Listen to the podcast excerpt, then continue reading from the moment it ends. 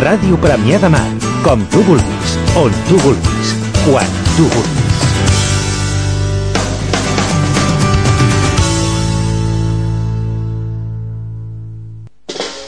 Hola, bona nit. Soc Àlex Blasco, coordinador del programa Altres Veus en la seva cinquena temporada. Altres Veus és un programa col·lectiu que vol donar veu a moviments i mobilitzacions alternatives. Avui emetem des de Ràdio Premià de Mar i la xarxa de comunicació local. Avui anem a fer una pràctica radiofònica de treball en xarxa. Ràdio Premià de Mar està dintre de la xarxa de comunicació local, formada per moltes diverses emissores municipals. Dintre dels molts programes que es fan en elles hem trobat programes amics, programes que treballen en la mateixa línia que l'altres veus. Avui anem a passar-vos un programa molt interessant emès a Ràdio Terrassa que porta pel títol La plaça dels futurs, molt coincident en objectius i temàtiques al nostre programa, amb la diferència que està portat per la gent de SICOM, Solidaritat i Comunicació, dels quals ja us hem passat en algun moment algun reportatge. Tot un luxe comptar amb la gent de SICOM en una emissora municipal. Anem a sentir en aquest Altres Veus un dels programes de la plaça dels futurs. Continuem analitzant com serà la Catalunya del 2040 i què podem fer per evitar els efectes més negatius que pugui causar-hi el canvi climàtic. En les converses que mantenim en aquest sentit a la plaça dels futurs, avui afegirem les mesures que s'estan adoptant o s'haurien de posar en marxa per mitigar aquest canvi climàtic, el risc de grans incendis que correm i les iniciatives necessàries per assolir la sobirania energètica. Lourdes Verdier, de la xarxa per la sobirania energètica, ens reflexionarà sobre les possibilitats que té Catalunya d'arribar a ser autosuficient en aquest àmbit. Iñaki Gili, responsable de mitigació de l'Oficina Catalana del Canvi Climàtic, ens explicarà què es fa i, i com per reduir els seus pitjors efectes. I Marc Castellnou, cap dels grups de recolzament d'actuacions forestals dels bombers de la Generalitat, els GRAF, ens parlarà del risc d'incendis en la Catalunya actual i l'increment d'aquest perill a mesura que augmenta la temperatura del planeta i també, clar, a casa nostra. La plaça dels futurs, per tant, mira avui més que mai cap al futur, amb la convicció que ens hi juguem molt, però que també podem fer molt per millorar-lo i fer-lo més sostenible i just. Com cada setmana, Jordi Rueda, el control tècnic, i Cisco Bages, parlant-vos, us convidem a acompanyar-nos-hi. Ken yaşar bester panin ve avot shefshar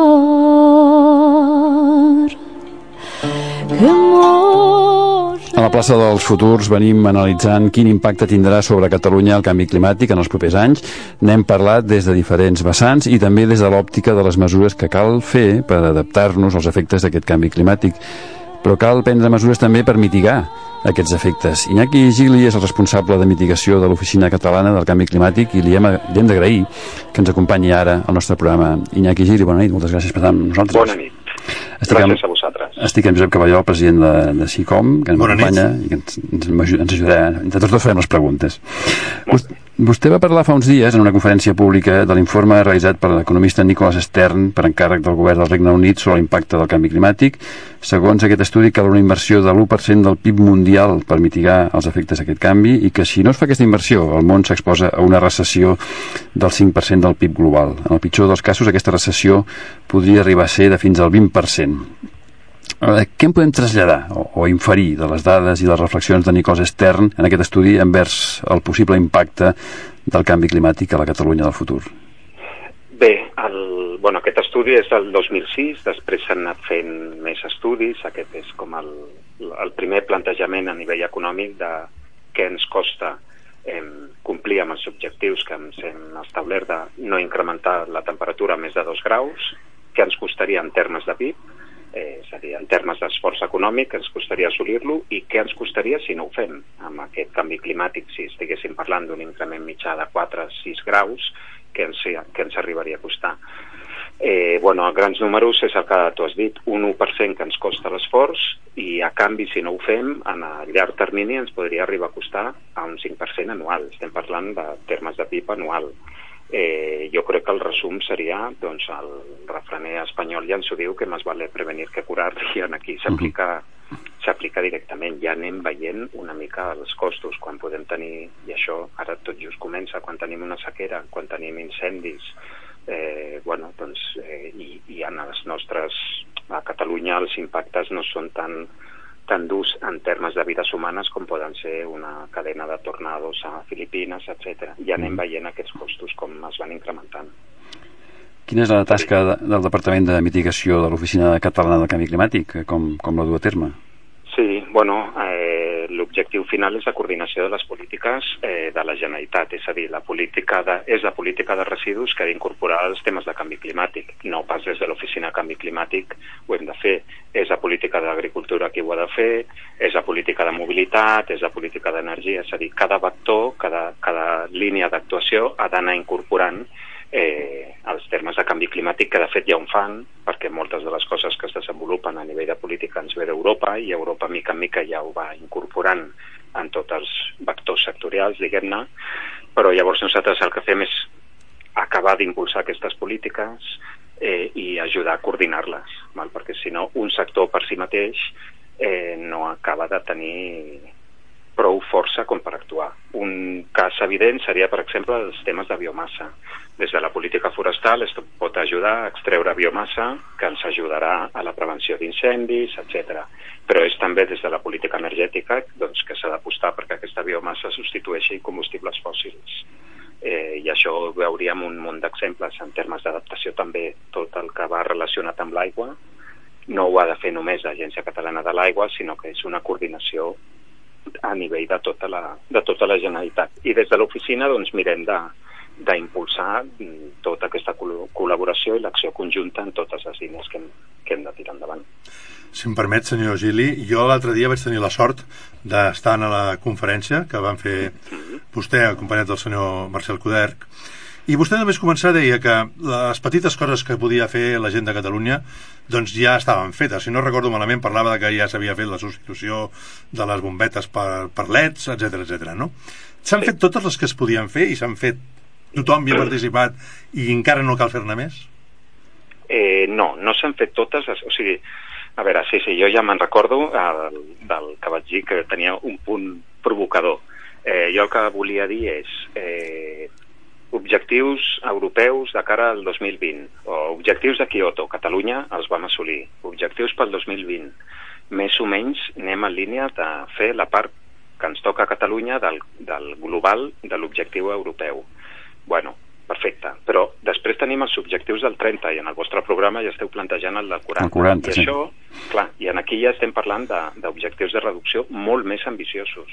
Mhm. Jo el que volia dir, i el que, i el que penso, és les primeres coses, les coses més senzilles, les coses més de caire tecnològic ja les hem fet. I posava l'exemple de les bombetes incandescents de tota la vida pels leds o del vehicle elèctric quan substitueixi el, el combustible ai, el vehicle tradicional.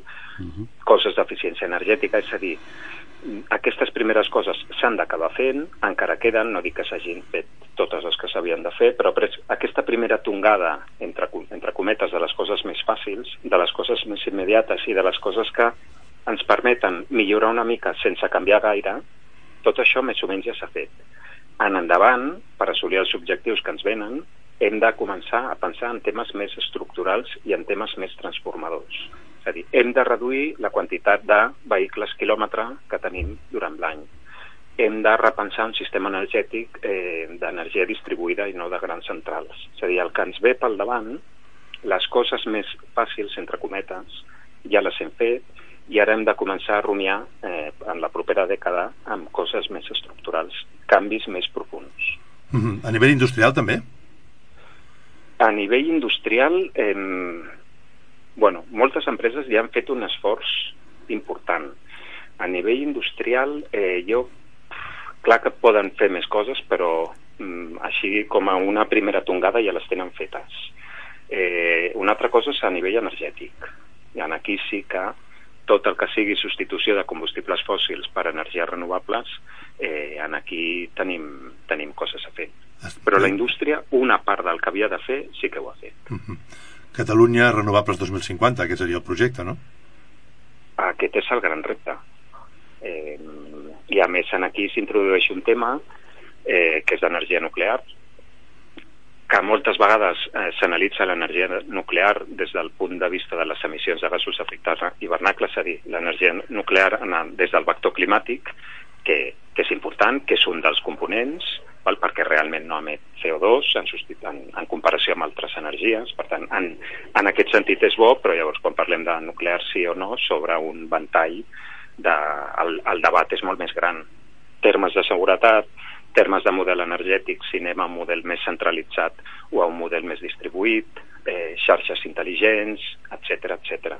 Mm, llavors aquest és el gran repte. Eh, 2050 renovables eh, és una transformació intensa del país tant il, tal i com el coneixem ara mateix. I què fem les nuclears? Que s'han de renovar o no en la propera dècada? Mm, es renova o no renova? Eh, bueno, aquí jo crec que s'hauria d'obrir un debat, eh, clar, aquí cadascú tindrà la seva opinió. A mi el que, el que em semblaria personalment intolerable és no obrir un debat ampli amb tota la informació i que la ciutadania, si és que realment algun dia la ciutadania pot decidir, eh, pogués decidir amb, amb Esperem tots que els sí. elements. Esperem que sí. Esperem que sí. Sí, sí. Molt bé. I, i jo, fa, jo, a part, evidentment el tema aquest de les nuclears és molt important, s'ha de renovar, però hi ha un sector que moltes vegades, bueno, moltes vegades no, però la gent en general el té com una mica doncs, eh, com quotidià i que no tingui importància, però el sector agrícola és, eh, o millor dit, el sector agroalimentari és fonamental amb el tema d'emissions. Eh, què es pot fer, què s'ha de fer? Mira, el sector alimentari, a veure, perquè quan es parla de reduir pel 2050 el 80% les emissions, doncs en funció del sector que mires, eh, les seves emissions han d'anar pràcticament a zero, com seria la producció d'energia, hauria d'anar pràcticament a zero. Després, quan mires el sector agrícola, i des del sector agrícola a vegades es mira amb una mica de neguit aquests grans números pel 2050, pensen, home, però nosaltres no podem reduir les nostres emissions un 80%, i és cert que no la fermentació entèrica, que és a dir, el matar que emeten les vaques per fer la seva digestió, eh, això a dia d'avui no ho podem evitar. Pot millorar la dieta, podem fer petites disminucions d'aquestes emissions, però no gaire. Val? Per tant, en allà tenim una bossa d'emissions que no hi podem fer res. A l'N2O de l'aplicació de fertilitzants, siguin d'origen químic o orgànic, allò, doncs, en principi, els sols els fertilitzarem, en principi ho hauríem de fer en matèria orgànica, que és el que tanca el cicle, però aquestes emissions hi són. Per tant, en aquí gaire cosa no podem fer. Podem optimitzar més la fertilització, etc, però no hi tenim gaire marge. El, on sí tenim marge, per exemple, en les dejeccions ramaderes, els Mhm. famosos purins que tenim a Catalunya, allò és una font energètica. Allò sí que ho podem gestionar i en aquelles emissions, en el mig termini, haurien d'anar tendint cap al zero. És a dir, s'ha d'analitzar sector per sector i quan fem els grans números del 80% o del 100% de les emissions pel 2000, sí, no tot ha d'anar en la mateixa proporció. El sector agrícola té una bossa d'emissions que ha de reduir, els purins, perquè ens entenguem, que ho pot reduir tecnològicament és viable en pocs anys, i la resta, a dia d'avui, no té gaire cosa a fer. No caldria, doncs, eh, eh, reduir eh, tota la indústria agroalimentària al voltant de, del, dels purins, està volat tants porcs com està fent en aquests moments. Bueno, clar, és que aquí també hem anat a un altre debat. Eh, I caben transports a Catalunya o no? Eh, bueno, és a dir, tenim, tenim capacitat il·limitada. A dia d'avui el gran problema que genera aquesta gran indústria del porcí a Catalunya és aigua. Eh, clar que emeten emissions de matar, però bàsicament la gran limitació és aigua. Eh, clar, hi ha zones que, que no hi caben més que les filtracions de nitrats i el número de pous sense aigua potable i de municipis i els costos que l'administració, és a dir, tots suportem per això, eh, fa dir doncs, que, que potser el, el model, aquest model eh, ha arribat en el seu límit, Per tant, si no l'ha ultrapassat. Exacte, s'hauria de canviar, no? Aquest és un model que, Sí. que probablement ja sigui massa agressiu, no?, pel territori. Massa intens. Massa intens. Al final és una qüestió d'intensitat. Eh, eh, tenir purins, que és matèria orgànica, i abocar-los en un conreu, això és magnífic. Eh, la qüestió és d'intensitat i la qüestió és de, de concentració, que acabes fent malbé a l'aqüífer que puguis tenir a sota. Parlant de l'aigua, la sequera és una de les grans preocupacions dels experts i dels col·lectius que estudien els efectes del canvi climàtic. Aquestes sequeres són especialment preocupants a diversos països africans, però també afectaran Catalunya? Eh, tot fa pensar que sí. Mira, quan parlem en termes de mitigació, tot ho reduïm en la unitat equivalent que fem servir, que és el CO2. Per tant, la mitigació parlem en CO2. Jo crec que a Catalunya, quan parlem d'adaptació, eh, la unitat equivalent podria ser l'aigua. És el gran factor limitant que tenim a Catalunya, és l'aigua.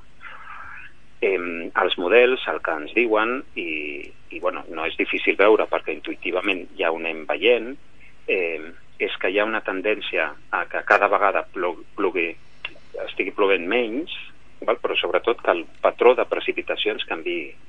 Hi ha una tendència en litres any, potser no baixa tant, però el que anem veient i els models ens diuen és que plourà la mateixa quantitat o una mica menys, però sobretot en menys dies. És a dir, menys dies de pluja de manera més intensa i sobretot en èpoques on habitualment no plovia. Igual que abans et deia el refrener, el refrener espanyol amb el, amb el Nicolas Stern, uh -huh. doncs que més vale prevenir que curar, doncs en aquí el refrener català, si vols, dels mesos, eh, de quan plou, quan sí, al maig cada dia un raig, etc, potser es comencen a no aplicar. Això què vol dir? Que haurem de canviar el refrener. Sí. Sí, que el sistema de recollida d'aigües i que els patrons de, de regar i que la nostra agricultura que està adaptada a unes, a unes estacions on plou més i altres que plou menys, si això comencem a canviar, la gestió d'aquest cicle hídric eh, se'ns complica molt. I després la sequera, sabem que a la Mediterrània les sequeres són intenses, sempre ho han estat, i amb el canvi climàtic això fa que siguin més intenses, més llargues i més recurrents. I a la sequera que vam tenir a la darrera cap al 2008 bueno, més enllà de que les coses es fessin bé o malament, jo crec que podem coincidir és que tothom estava emprenyat. Eh, a la ciutat pensàvem que la culpa era dels agricultors perquè regaven massa, ells pensen que fan de, de custòdia en el territori, que la ciutat fem usos que no val la pena, és a dir, la qüestió és que tothom estava emprenyat i tot el país estava molt tensionat fins que va ploure. Perquè, senyor Gili, en aquests moments, si torno a la, als gasos d'efecte hivernacle, quins són els sectors més contaminants? El, el sector on ara tenim el, el gran repte és la mobilitat. A nivell industrial, eh, històricament a Catalunya hem tingut una producció de ciment molt elevada i en la producció de ciment les, les emissions són intenses. El nostre mix energètic és bastant net perquè una gran part ens ve de les, de les nuclears, que aquest és un altre debat. Eh, llavors, a nivell industrial, més o menys, eh, les coses estan més o menys equilibrades, diguem-ne. I és a la mobilitat on tenim, on tenim la gran font d'emissions. Durant la crisi les emissions van baixar moltíssim en el transport, però el 2014 ja van tocar terra i el 2015 veiem que comencen a repuntar. És a dir, quan l'economia comença a recuperar-se de manera tímida i fent una mica de xup-xup, que és a partir del 2015, veiem quan les emissions comencen a repuntar del transport de l'ordre del 3-4%. Ho hem vist el 2015 i les dades per 16 més o menys seran semblants. Parar aquesta mobilitat eh, és molt complicat, perquè estem parlant ja de mesures estructurals. Ja no estem parlant, ja no comprant un vehicle una mica més eficient que gasti menys benzina per quilòmetre del que gastava abans, amb això ja no en tenim prou. Hem de començar a transformar una mica la nostra manera de, de moure'ns. Això sí que és un desafiament, eh? perquè forma part, està arrelat en la cultura de les persones. Eh, clarament, clarament, i a més ho hem assumit com a un índex de qualitat de vida. El, el dret a moure'ns en vehicle privat el dia que vulguem i allà on vulguem. Sembla que és un índex de qualitat de vida irrenunciable. Però bueno, ho veiem a les ciutats, mmm, hi ha competència per l'espai eh, no hi cabem tots i després que això ja no és ben bé canvi climàtic però després tenim els nocs i les partícules que és el que, el que ens mesura la qualitat de l'aire a les ciutats i veiem com a les grans urbes europees eh, tenim greus problemes a Barcelona metropolitana també uh -huh. sí, sí. El problema és que fer aquestes grans transformacions, i en el cas de la mobilitat dels vehicles és, és, sembla fonamental, com vostè molt bé assenyala, però això a vegades no està renyit amb el curtplacisme electoral? Eh, jo crec que sí. Jo, jo crec que sí. I el curtplacisme electoral eh, eh, podríem aquest criteri o aquest raonament el podríem aplicar a molts més àmbits. Eh, clar, eh, jo que sé, a nivell d'infraestructures ferroviàries, des de un planeja una infraestructura fins que fa la licitació, fins que acaben les obres, fins que s'allarguen, perquè sempre s'allarguen, fins que s'inauguren, eh, doncs poden passar dos o tres legislatures. Eh, sembla que pel polític que tiri endavant aquest esforç, perquè quan gastes en un tema vol dir que deixes de gastar en un altre, val? perquè els diners són finits i els diners públics també, doncs a fer, fer aquest gran sacrifici eh, bueno, sembla que no, surti, que no surti a compte a nivell, a nivell electoral. Si estem parlant de transformació a energies renovables, de transformació en una Catalunya de renovables, serà llarga i serà complicada. No es fa d'avui per demà. Llavors, en aquí, ja que els cicles electorals són els que són, seria molt desitjable des del meu punt de vista tècnic, però que hi hagués mm, doncs, pactes d'estat, pactes generals d'unes quantes forces polítiques doncs, apostar cap a un model de mobilitat en tren, en aquest cas, cap a un model energètic, perquè si no de cicle electoral en cicle electoral, quan són de 4 anys, que no és sempre, tirar endavant aquestes grans infraestructures eh, és complicat perquè aparentment no és rendible. Mm -hmm. Sembla clar que l'amenaça la, del canvi climàtic, l'increment de les temperatures, doncs hauria de condicionar que determinats temes doncs no fossin motiu de debat electoral, sinó que hi hagués un consens entre, entre tots, perquè aquí el problema que tenim, senyor Gili, és que jo feia números aquests dies i, clar, l'increment de la temperatura que es dona a Catalunya de promig eh, des dels anys 50 de 0,23. Mm, això sí. està, està en el tercer informe. Si fem números vol dir que en el 2050 estem a 2,30.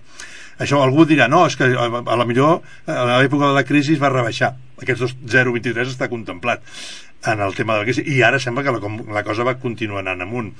Eh, I els, els acords de París no entren fins a 2020 i encara no s'ha fet res dels acords de París pràcticament a nivell mundial de les que serien les mesures més radicals. No vol dir que no s'estiguin fent polítiques molt importants de la Unió Europea, etc. no? Clar, ens estem trobant que si 230 al 2050 ens estem trobant que si traiem 23 estem dient que els dos graus aquests globals, que ja sé que són dos graus globals i Catalunya només és una part, però a Catalunya estem a punt, a punt, a punt en termes mm, temporals d'arribar-hi i vol dir que el temps ens tira a sobre. Ens queden algunes dècades per arribar a aquests dos graus i algú podria pensar que dos graus que no és tant no? un és podria dir, bueno, però això de dos graus eh, no és tant bueno, és la temperatura de Sevilla. Eh, home, llavors això ja és, ja és diferent perquè estem parlant de dos graus de mitjana anual. I després això s'agreuja pel següent. Eh, dos graus de mitjana anual i sembla que la, els efectes del canvi climàtic fa que tots els extrems s'allarguin una mica més. És a dir, en aquells mesos on fa més calor a l'estiu, encara farà més calor i en aquelles zones on feia molta calor encara farà més. Per tant, cada vegada és més extrem. Podem estar parlant de dos graus de mitjana anual que en alguna temporada d'estiu en algun lloc determinat potser podem parlar de més de 6 o 7 graus. Llavors això ja és una altra pel·lícula. I tant. A nivell de l'agricultura, per exemple, doncs, a la zona de Lleida que tenen la fruita dolça, hi ha una sèrie d'arbres doncs, que, els, que, que és necessari que estiguin unes quantes hores durant l'hivern a sota zero, perquè després quan fan, perquè realment és quan fan la seva vegetació i quan arriba la primavera fan la floració amb tota la força.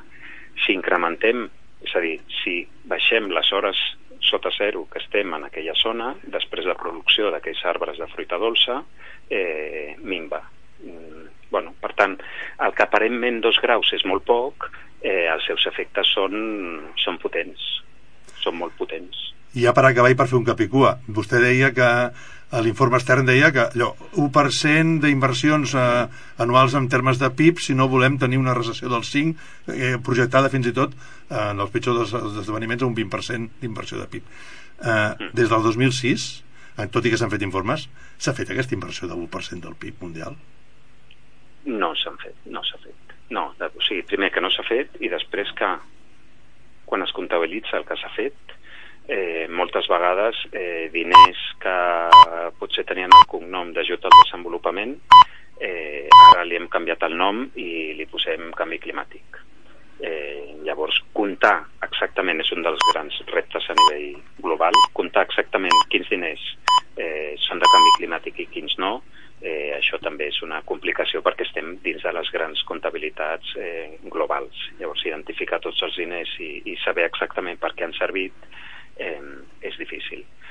Tampoc a mi, i això ja és una idea personal, crec que ens queda moltíssim per fer, que just ara comencem, coses sí que s'han fet. Eh, I veiem com hi ha moltes empreses, per exemple, a nivell privat, que veuen com aquest món que ens podem imaginar de baixes emissions, veuen que ells tenen, aquestes empreses que tenen el seu espai. Llavors, hi ha com dos moviments, hi ha gent que ho veu clar, hi ha països que ho veuen clar, hi ha regions que ho veuen clar i que avancen cap aquí, i hi ha d'altres doncs, que encara hi ha rebuig.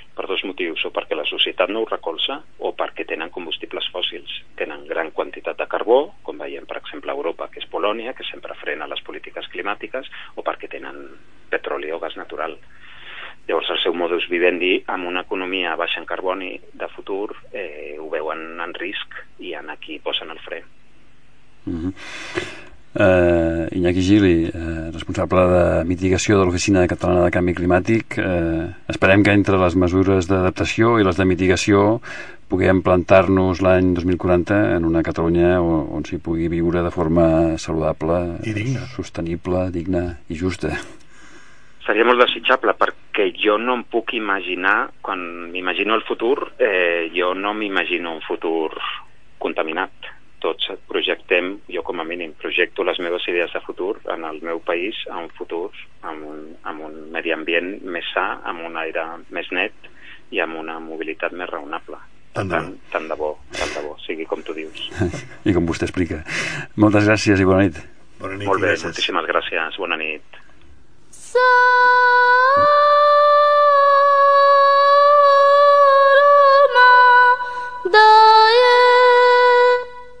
Marc Castellnou és el cap dels grups de recolzament d'actuacions forestals dels bombers de la Generalitat, els que coneixem com a GRAF. Va formar part del grup de 14 experts que la Unió Europea va enviar al febrer a Xile per assessorar el govern d'aquell país que s'enfrontava a un incendi paurós. Un incendi que, que s'ha qualificat com de sisena generació capaç de cremar 8.000 hectàrees en una hora, el que equival a, a tot Collserola. Eh, ningú millor que ell per parlar del risc d'incendis a Catalunya, la d'ara i la, la del futur. Marc Castellnou, moltes gràcies per atendre'ns. Moltes gràcies a vosaltres per invitar-nos. Bona nit. Estic en Josep Caballol, un company. Bona nit. L'incendi que va veure Xile podria donar-se a Catalunya? Sí, no, sens, sens dubte no hi ha cap problema perquè ho faci. Eh, el problema de Xile és un tema de canvi climàtic i Catalunya està immersa al canvi climàtic, és la frontera forestal sud d'Europa i, i bé, les condicions hi són. El que passa que ja tenim una societat preparada, conscienciada, amb molt voluntariat i un cos de bombers que, que, que, fa, la, que fa la feina. Però cada any, cada any tenim més superfície forestal, la gestió forestal no és una activitat econòmica al país i, i les condicions van, van creixent. Bàsicament la, la zona de Catalunya més sensible és la conurbació metropolitana de Barcelona i l'àrea del Prepirineu, que són, diguéssim, les zones forestals que fa més temps que, són, que són forestals i que estan patint més el canvi climàtic. Mm. I aquí està, una mica el problema dels propers 10 anys. Parlem després d'aquestes dues zones. A mi m'agradaria d'en- d'entrada preguntar-li per aquest incendi de Xile, perquè pel que he anat llegint aquests dies i he pogut parlar amb persones, eh, vostè que va veure és un incendi que ja qualifiquen de nivell 6. Fins ara fins es parlava de nivell 5, que ja eren incendis pavorosos, que ja es vinculaven al canvi climàtic, que els hem vist en els darrers anys a Sí. Austràlia i a d'altres països, però ara aquest és de nivell 6. Què vol dir això? Quin és aquest canvi tan brutal que vostè ha observat? A veure, bàsicament, les generacions d'incendi nosaltres les classifiquem en base al, al, al problema que ens plantegen. És a dir, la primera solució, el primer problema que vam tindre és la continuïtat de paisatge, després va vindre la velocitat, després va vindre la intensitat, després va vindre el problema de la interface urbana, després va vindre la simultaneïtat de grans incendis en una zona concreta, i aquesta sisena és un problema que tots just comencem a entendre, i és el fet de que el, el canvi climàtic prepara uns boscos per, per diguéssim, renovar-se, és a dir, tot l'ecosistema en si entra en... No, no, no, no podem dir en fallida, precisament parlem, la gent no crec, però bàsicament tenim tot un ecosistema que està fora de rang climàtic i que per tant eh, es debilita, entra en, en, en decadència i, i, i, i s'ha de renovar, i la manera de renovar els ecosistemes en base a perturbacions. Llavors aquests incendis cremen aquest tipus d'ecosistemes que estan fora de rang climàtic i generen unes condicions de tempesta de foc que alteren el, el clima al seu entorn. Diguem que la meteorologia, les previsions de meteorologia que tenim damunt nostre, es diu, bueno, l'estiu serà sec, o serà càlid, o serà humit, però aquests incendis tenen la capacitat de canviar aquesta meteorologia local durant, durant dies. I això és una mica el que vam intuir a Fort McMurray al Canadà el juny passat, el que havíem intuït en moments puntuals de la campanya 2012 a la Junquera, però que era només un, un petit indici, però que el, el de Xile d'aquest hivern doncs, va acabar confirmant.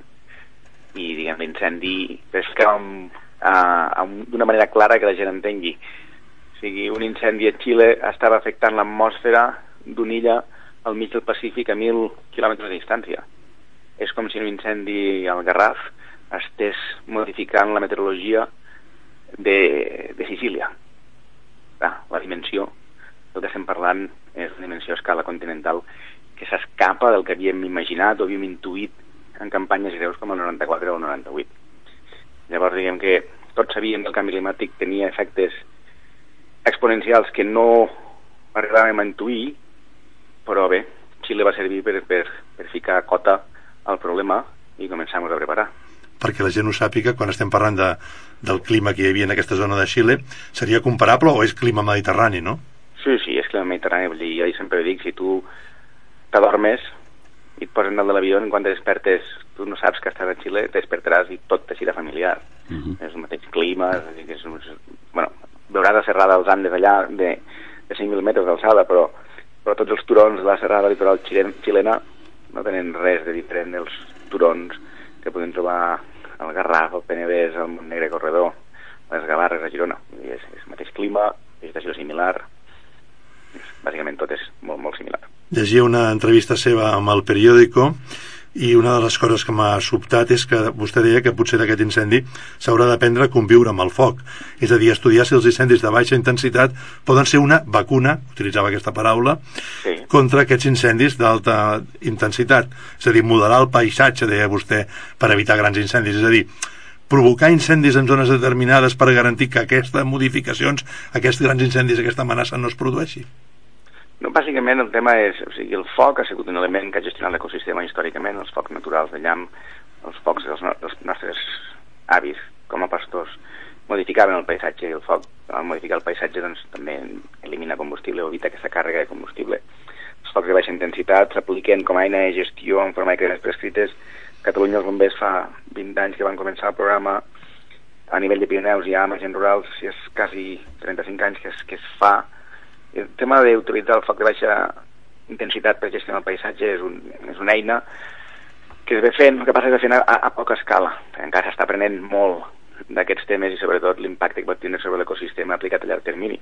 Però bé, bàsicament aquests grans incendis que són extremadament destructius quan arriben en zones que han estat gestionades o hi ha hagut incendis de baixa intensitat se, doncs aquests incendis es paren Llavors, eh, l'incendi de les màquines, que és l'incendi a Xile, el gran, que va cremar ell sol 185.000 hectàrees, la nit que va cremar ell sol 114.000 hectàrees a 8.000 hectàrees hora, com heu dit abans, l'incendi es va parar en dos punts, va deixar dos illes, dos grans illes, que són dos grans illes afectades per focs de baixa intensitat dels anys anteriors. Totes les altres mesures de, de prevenció, els conreus, autopistes, tot s'ho va saltar, excepte allò, perquè bàsicament el foc i de baixa intensitat ja elimina el combustible que el foc d'alta intensitat necessitaria per, per créixer i ser el monstre que acaba sent. Llavors, diguem que és una, és una vacuna que, que prepara el paisatge per, per, per, per evitar poder sucumbir amb peça a tot aquest gran, gran desastre que són pues, pues, grans incendis forestals en una situació de canvi climàtic que desconeixíem i que som incapaços de calcular les, les conseqüències a gran escala que tot això està, està agafant.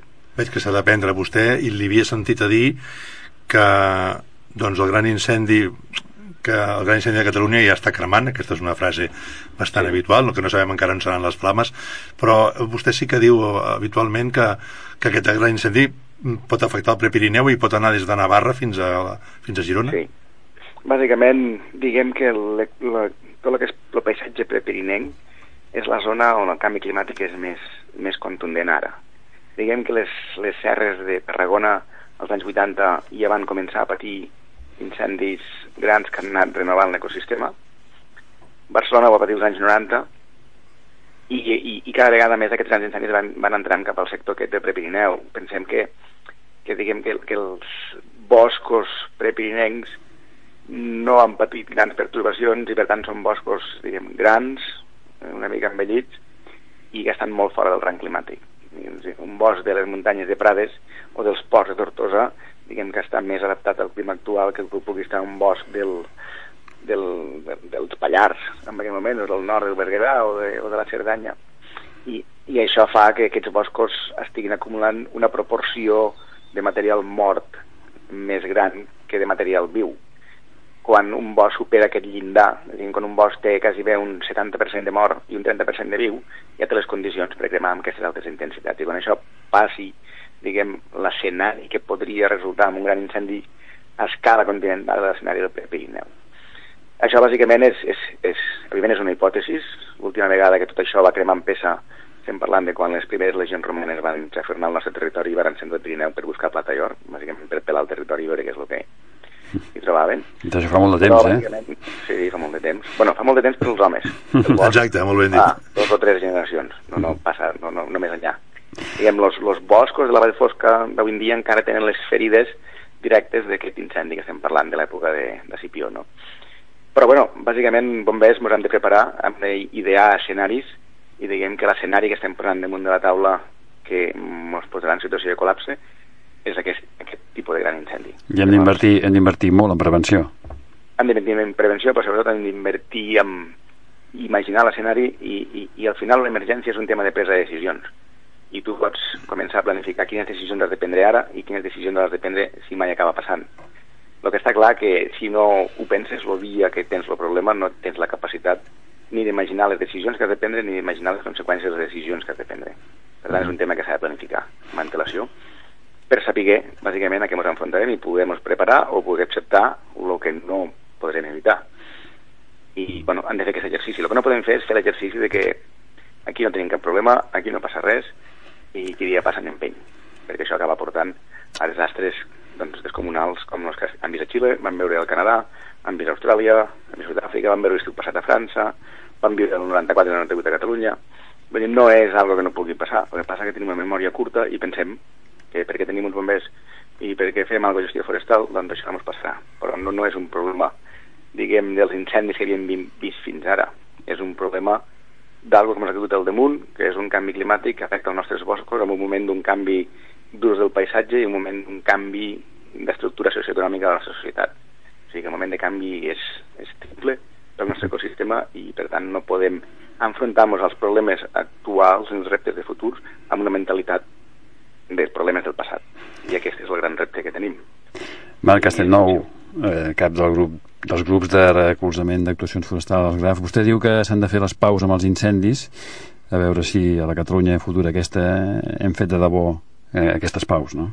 Tant de bo. Eh, bueno, serà difícil, però l'única manera que nosaltres podrem diguem, passar a la generació futura a un país amb la diversitat suficient o, o la diversitat que nosaltres vam, vam heredar és si som capaços d'entendre els, els problemes i, i enfrontar-nos de cara als problemes i això vol dir fer les paus amb el problema dir, bueno, arribar a un acord o arribar a una, a una entesa de convivència perquè si seguim el sistema d'enfrontament doncs podem guanyar 5 anys, 10 anys però al final acabarem enfrontant-nos de cara i perdrem. A menys cada vegada que hem anat de cara hem perdut. Per tant, hem de ser capaços de tindre un paisatge que no acumuli condicions de problema. Tindre un paisatge que vagi gestionant el problema el dia a dia, no que el vagi acumulant pel futur. Doncs uh, moltes gràcies per la feina, senyor Castellnou. Moltes gràcies a vosaltres. Moltes gràcies, bona nit. Bona nit. Neada imena Neata bizmera La setmana passada, l'enginyer agrònom Josep Tusson Valls ens explicava a la plaça dels futurs què caldria fer perquè Catalunya fos autosuficient des del punt de vista alimentari l'any 2040. Ara volem parlar de la sobirania energètica. Podria ser Catalunya autosuficient des d'aquesta perspectiva en un futur no massa llunyà? Eh, quin és el millor model energètic per la Catalunya futura? En parlem amb Lourdes Verdier, de la xarxa per la sobirania energètica. Lourdes, bona nit. Hola, bona nit. Estic amb Pep Caballol. Lourdes, bona nit. Bona nit. Eh, La xarxa per la sobirania energètica defineix aquest concepte com el dret dels individus conscients, les comunitats i els pobles a prendre les seves pròpies decisions respecte a la generació, distribució i consum d'energia, de manera que aquestes siguin apropiades a les circumstàncies ecològiques, socials, econòmiques i culturals i sempre que no afectin negativament a tercers. Aquesta sobirania energètica la podem imaginar a la Catalunya futura, a la Catalunya del 2040? Bé, o sigui, la, la idea, o sigui, nosaltres eh, ho defensem i de fet si no no estaríem aquí a la xarxa defensant aquesta idea, no? que és un repte important, és realment quasi una revolució i pensar a tan curt termini i realment més que una transició energètica el que estem més imaginant una autèntica sotregada, un canvi, un donar-li la volta a la truita del que seria el model energètic, no? O sigui, com has llegit, bueno, hi ha molts conceptes aquí dintre de la definició, però, per exemple, individus conscients no? ja vol dir tota una sèrie de, de canvis mentals cap a una nova manera de pensar l'energia, no? igual com es va fer amb l'aigua, per exemple. O, I després, per exemple, la part de, de, de voler decidir sobre diversos aspectes de la generació, la distribució o el consum d'energia, quan ara només podem decidir bàsicament sobre el consum, no? Tenim tot aquest bloqueig sobre el que seria la generació o la distribució energètica. Uh, tenim també, o des de la xarxa ho pensem molt des, de, des del món local, no? des de localitzar l'energia, des de portar-la a les comunitats, des de guanyar sobirania local, no? Tot això també en un model centralitzat de grans infraestructures també es fa difícil i, i després la part última de, de no afectar negativament a tercers, no? aquesta part de consciència i de responsabilitat vers uns altres que poden ser coetanis nostres, no? però també pensant en generacions futures, o sigui que realment el repte és important i a més a més 2040 està aquí i anem a contrarrellotge pel canvi climàtic, per, per molts problemes, no? per les crisis humanitàries que genera. Llavors eh, el repte és difícil, però bueno, eh, ens hi hem posat i, i bueno, aquesta és la idea, no? Vol, vol realment que ens hi posem des dels moviments socials i des de les institucions per, per portar-ho a terme, clar. En un món intercomunicat com el nostre, on els estats depenen de fonts d'energia exteriors a les seves fronteres, és possible, és realista una, pensar en una Catalunya autosuficient des d'aquest punt de vista? Val, eh, o sigui, sí, realment a Catalunya la, la dependència amb l'exterior respecte a l'energia és brutal, no? perquè tenim que, per exemple, la, la part d'electricitat pues, en depèn bàsicament o molt, és un 55%, em, sem em sembla, de, la part d'energia elèctrica en depèn del nuclear, o sigui que en depenem de l'urani que importem, i després per la part de transport, mobilitat eh, i, i molta part de l'energia elèctrica en depenem del, del combustible fòssil, no? Llavors podríem pensar fàcilment que una, una autosuficiència vindria per la part de, de, de canviar a, a renovables, no? Però clar, això també té uns límits com que les renovables no, no poden en realitat assumir o, o arribar a aquesta, a aquesta capacitat energètica que tenen els fòssils. I llavors tenim una limitació. I a més a més també a part pues, estan, necessiten també d'un consum material per, per generar aquestes infraestructures i per exemple si volguéssim eh, electrificar tot el que seria el transport, electrificar tot el model de societat, voldria dir un consum de coure que ja, eh, segons un estudi de, de l'Institut de Ciències del Mar, voldria dir que, que hauríem de consumir, per exemple, el 50% dels recursos de coure del planeta no? per, per fer aquesta transició en, en un model ja de, de reducció de consum. Llavors, aquesta autosuficiència hauríem de pensar-la potser des d'una des d'una disminució del consum, no? des d'un baixar el consum, des d'un pensar en, en, en aquesta quantitat d'energia de, que necessitem, no? i adaptar-la a l'energia disponible que en realitat podem aconseguir sense fer grans impactes socials i ambientals. No? I per això com a societat i, i vol això realment un esforç democràtic de posar-se d'acord en, en quina és aquesta energia, un esforç científic de determinar quanta, quanta però també democràtic de determinar per a què la volem utilitzar, no? de posar-nos d'acord en aquestes necessitats de per què volem fer servir aquesta energia. No? Si la volem fer servir per construir un Barcelona World, per exemple, o un port de megayots, no? o, o realment quines són les necessitats que com a societat tenim i quanta energia necessitem per això per tal de reduir aquest consum. O sigui, aquesta autosuficiència té la vessant de renovables però té una vessant de, de quantitat d'energia i de balanços d'energia i, i és això el que, el que ens hem de pensar també. Heu, heu fet algun, o disposeu o heu fet alguna mena de càlcul per mm. saber quina quantitat d'energia s'hauria de, de reduir perquè tot això fos viable? Clar, hi ha gent, sí que hi ha, hi ha alguns col·lectius, com el col·lectiu CEMES, que sí que tenen un, algunes publicacions sobre quina seria aquesta quantitat d'energia, però aquí darrere el que està faltant és aquest debat social, no? De, de, d'aquest de, com- no només a quanta energia tècnicament és possible aconseguir no? amb renovables, sinó aquesta determinació de les conseqüències socials que té aquesta energia sobre aquest, aconseguir aquesta energia sobre altres països, sobre altres eh, poblacions, sobre o sigui, aquestes conseqüències que ens han de marcar una mica quin és aquest límit de- d'energia, perquè eh, hem, no? perquè volem aquesta, considerar aquesta part de vessant de justícia social i ambiental dintre del, del, del sistema. Llavors aquesta part de decidir eh, per a què la volem sempre que no tingui conseqüències socials i ambientals, això és el que requereix realment un, un debat social molt important. No? Profund, perquè clar, la gent estem acostumats a tirar de beta, no? Sí. I, I precisament Sí, el sí, que estem convé és tot, tot el contrari, no? Estem super... Som uns nens mimats de, al primer món, no? Uh, abans quan em comentaves no, anem a contrarrellotge no? una imatge és, eh, és aquella del Titanic no? de vegades penses ja han xocat amb l'iceberg i els que nosaltres som els, els passatgers de, de coberta no? alguns però realment tenim allà una sèrie de gent que l'hem tancat eh, al- als camarots de tercera i això és el que és gravíssim i el que hauríem d'estar considerant també no? en aquesta part de balanços de matèria i energia que estem fent. T'hem sentit a dir que un pla nacional de transició energètica és impossible si no va acompanyat d'un pla nacional també de transició econòmica. Mm. Amb el model econòmic actual és impossible assolir l'autosuficiència i la sobirania energètiques?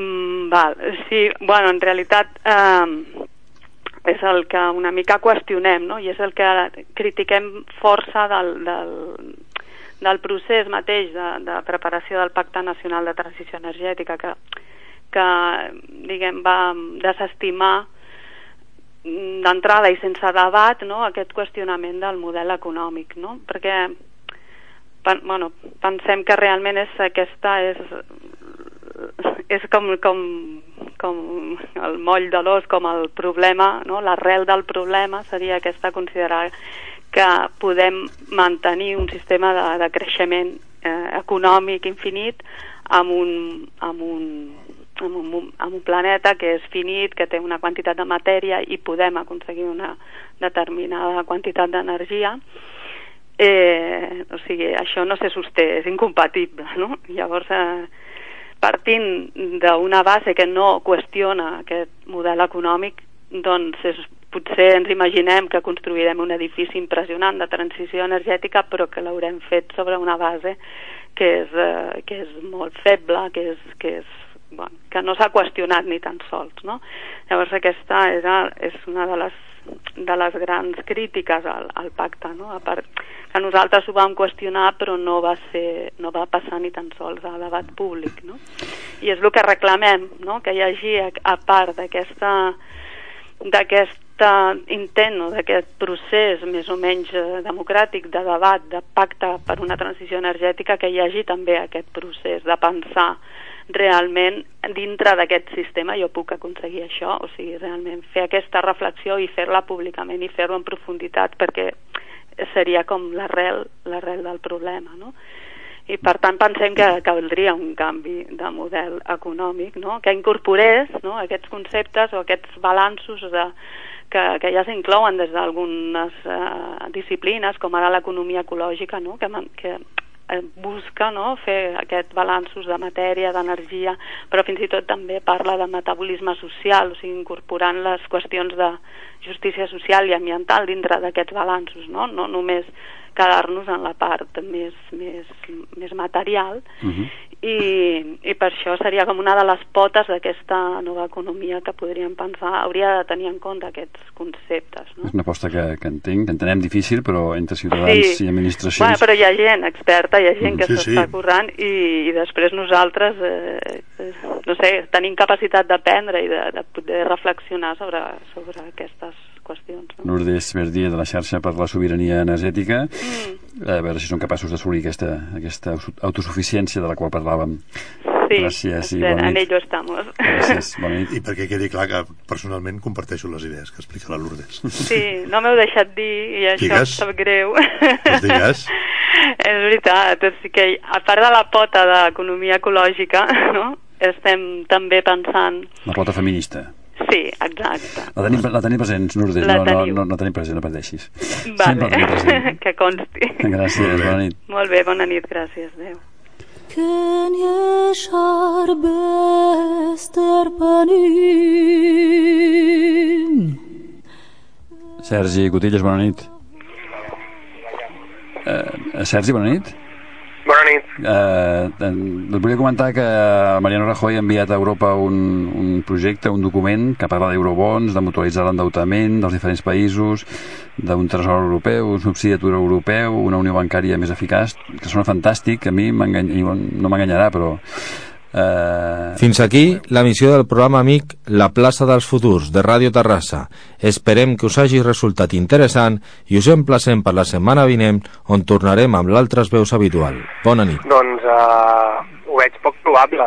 Uh, és, diguem, uh, en aquests moments l'estat d'ànim, no? perquè ha guanyat Macron i Macron promet refundar la, la Unió Europea i el projecte de federació uh, o de fer una, unió pa- de, una Europa federal doncs, uh, ha estat uh, el que han intentat part de les elites europees durant, durant uh, aquests anys i no ho han aconseguit, principalment perquè la burgesia industrial alemanya no ho ha permès eh, i ara doncs, eh, semblava que una de les eh, potes era que, que guanyés Macron, no? que, que Macron eh, se l'ha escollit per això, se l'ha elegit per això i se li ha donat suport també doncs, eh, des de- des d'aquestes elites eh, europees perquè faci aquesta, aquesta darrera, eh, aquest darrer intent. I, i llavors eh, és l'estat d'ànim actual i, i crec que Mariano Rajoy doncs, assuma aquest estat d'ànim eh, podríem dir europeu o global però al meu entendre això té poc, eh, poques possibilitats de funcionar perquè hem vist aquest cap de setmana com eh, Angela Merkel guanyava o el partit d'Angela Merkel guanyava les eleccions en el land de Westfàlia-Renània i que era, és tradicionalment socialista i per tant sembla com que Merkel s'està recuperant i si guanya les eleccions eh, diguem, a, a la Cancilleria alemanya el, el, després de l'estiu doncs tornarem tenir, a tenir més del mateix, que és eh, que aquí els deutes no es comparteixen, que no s'imposarà cap sistema de transferències fiscals entre els estats de la, de la Unió Europea i que no hi haurà reestructuració dels deutes en els països sobreendeutats. Això és el que ha estat defensant Merkel durant tot aquest temps, això és el que vol l'electorat alemany i no veig per què mm, perquè França tingui un president que vol no sé què, doncs això hagi de canviar. Aquesta Europa amb eurobons o sense cada vegada és més de dretes, eh? i així malament rai. Sí, això jo crec que s'està evidenciant, que ja fa molt temps, eh, des de el gir de Mitterrand, eh, doncs que Europa és de dretes, que fins i tot els socialdemòcrates eh, van abraçar el neoliberalisme, però amb la crisi doncs això la disfressa ha caigut i ho estem veient cada vegada més clarament, no? I les contradiccions pròpies del capitalisme cristal·litzades a la Unió Europea doncs fan que això sigui molt difícil d'amagar. Mhm. Eh, cada vegada és més més difícil dir-nos que això és en el nostre benefici, que això són sacrificis que hem de fer per viure millor eh, aviat, perquè estem veient doncs, que portem 10 anys de crisi i no hi ha cap tipus de, de justificació eh, per aquestes polítiques tan de dretes i de retallades i que fan mal als més necessitats Mhm. eh, que, que justifiqui això. Gràcies, Sergi. Se'ns acaba el temps, tant que no hem pogut parlar amb el Xavier Canyo. Bona nit i fins la propera, Sergi. Bona nit. En Xavier Canyo el que ens deia és que... entre